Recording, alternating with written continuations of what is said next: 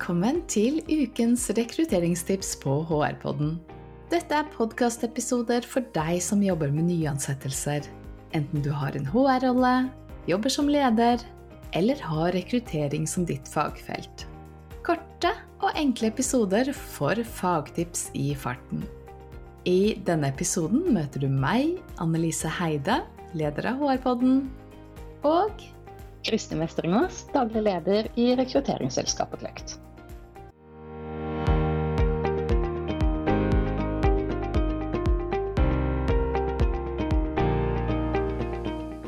Annelise, hvor viktig er egentlig førsteinntrykket i et jobbintervju, tror du?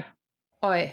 Du, hvis jeg tenker tilbake på den gangen jeg var jobbsøker, og særlig litt sånn tidlig i min karriere, så husker jeg vi ble lært opp til å tenke at førsteinntrykk er superviktig. Eh, da snakket man gjerne om betydningen av det å gjøre et godt førsteinntrykk, og alt du måtte passe på. Og det handla om å være riktig kledd, eh, smile pent, gi et fast håndtrykk, møte tidsnok, men helst ikke for tidlig. Um, det å mestre smalltalk på vei inn til intervjuet, osv., osv. Særlig den greia med håndtrykket, da. Det var veldig understreka.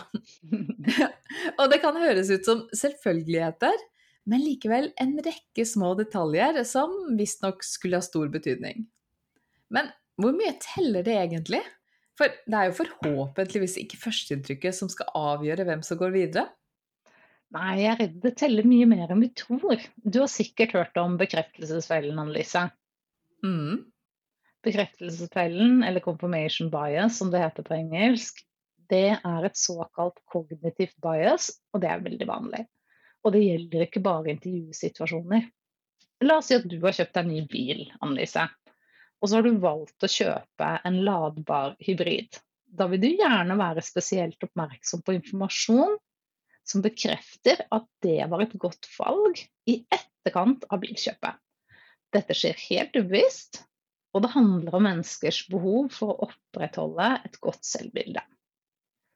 Og det samme skjer på intervju, uten at vi er bevisst på dette i det hele tatt. Når vi først har gjort oss opp en mening om en person, så har vi en tendens til å tolke ny informasjon og lete etter mer informasjon som bekrefter den oppfatningen som vi allerede har. Og det betyr at det er en stor risiko for at du fortsetter å legge merke til informasjon som bekrefter førsteinntrykket gjennom hele intervjuet. Og at du kanskje glipper på informasjon som avviker fra dette. Det er faktisk også sånn at vi husker bedre informasjon som bekrefter det vi allerede har tenkt, det vi syns passer best, så det blir på en måte selvforsterkende. Det gir mening. For jeg hørte også en studie for noen år siden der de hadde tatt opp intervjusituasjonen i en rekke jobbintervjuer. Og så spilte de av de første fire minuttene fra disse intervjuene til en gruppe studenter, og ba dem vurdere hvem som fikk jobb, og hvem som ikke fikk jobb. Eller hvem som burde få jobb, og hvem som ikke burde få jobb av disse kandidatene. Og nå husker jeg faktisk ikke tallene fra studien, men det var signifikant sammenheng mellom det det som studentene vurderte som suksessrike kandidater etter bare fire minutter, og de som faktisk fikk jobbtilbud. Det er virkelig et stort problem. For hvis vi tenker at vår jobb som rekrutterer er å vurdere kandidaten opp mot et gitt antall kriterier som vi har kommet fram til innledningsvis, så kan vi umulig ha skaffet den informasjonen vi trenger etter fire minutter. Men Annelise, kan det være at denne studien tar for seg en mer ustrukturert intervjuprosess, der intervjuer baserer sin beslutning på den såkalte magefølelsen som vi snakket om sist? Du, det vet jeg faktisk ikke.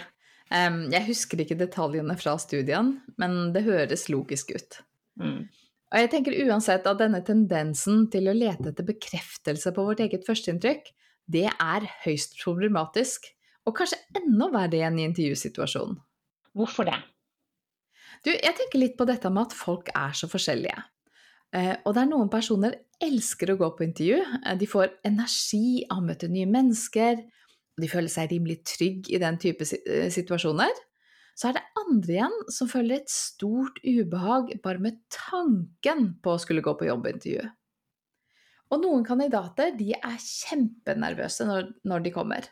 Og man bruker faktisk litt tid på å bli varm i trøya. Og da gjør de nødvendigvis ikke et så godt førsteinntrykk, men det kan jo likevel, likevel være en knallgod kandidat for jobben.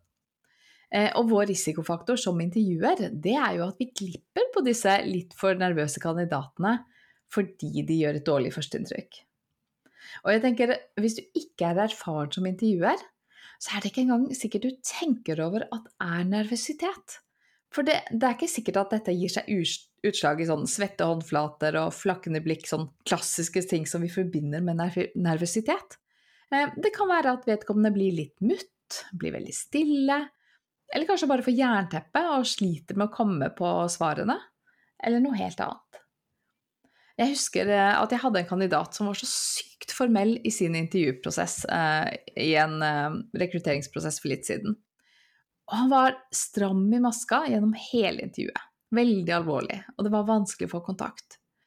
Og han her han hadde hele sin karriere fra Forsvaret, um, og jeg må jo innrømme at jeg begynte å trekke noen paralleller til en viss Fenrik fra Kompani Lauritzen, og tenke at shit, er det sånn man blir når man har jobbet 20 år med ledelse og lederutvikling i Forsvaret?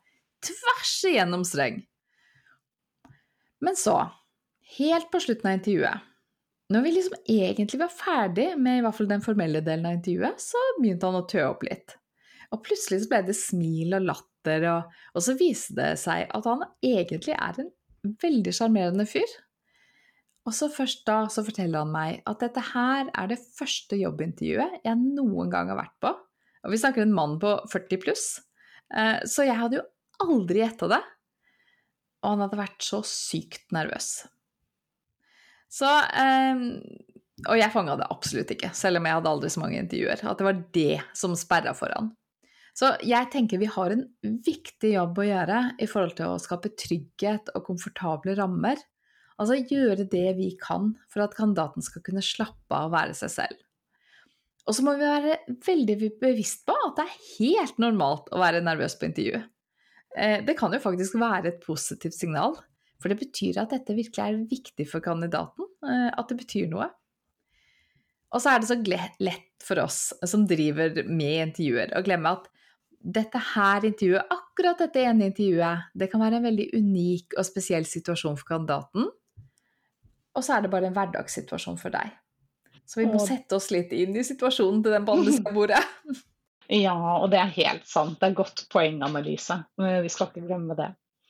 Men jeg kom til å tenke på det at forskningen på sammenhengen mellom førsteinntrykk og vurdering av personlighet, den har faktisk vist at det er mulig å gjøre relativt valide vurderinger av personlighet basert på et førsteinntrykk. Men problemet det oppstår jo når vi gir fordeler til visse karaktertrekk som ikke nødvendigvis er relevant for den aktuelle stillingen. Og det heter seg jo at ekstroverte eller utadvendte mennesker de har en tendens til å gjøre det bedre på intervju. Men det betyr jo slett ikke at den introverte er noen dårligere kandidat. Så fremt det ikke er en type jobb som krever flere av de ekstroverte trekkene. Og så er det faktisk fullt mulig å manipulere intervjueren til å tenke mer fordelaktig om deg gjennom å trene på å gjøre et godt førsteinntrykk. F.eks. å vise en større grad av utadvendthet. Dette finnes det også forskning på. Mm. Så hva skal man gjøre for å unngå å havne i denne fella, da? Når man er intervjuer? Ja, da er vi jo tilbake til det som er løsningen på mange av disse klassiske feilene og fallgruvene. La meg illustrere det med et eksempel. Har du sett TV-programmet The Voice, der deltakerne er på blind audition? Mm, ja, absolutt. Nesten hver fredag, hvis jeg skal være helt ærlig. ok. Jo, og der synger jo deltakerne uten at dommerne kan se dem. Dommerne ser ikke at deltakerne går inn på scenen. De ser ikke hvordan deltakerne beveger seg, hvordan de ser ut. De blir kun vurdert på sangprestasjon, og alle distraksjonene de er fjernet med hensikt. Og det vi kan ta med oss fra The Voice, da, det er at vi må lage oss et system og en prosess for å vurdere på det som er relevant. Og det gjør du jo gjennom å bruke en strukturert rekrutteringsprosess. Du gjør et godt forarbeid, og så skal du score kandidaten på de kvalifikasjonene som vi trenger til den konkrete rollen. Akkurat hvordan vi gjør det, får vi nesten komme tilbake til i en senere episode. Men det ligger der. Ja, for det var dette med å fatte seg i korthet, da. Det er ikke så lett. Så dette var dagens ti minutter. Neste uke så er det ghosting som står på menyen. Vi høres!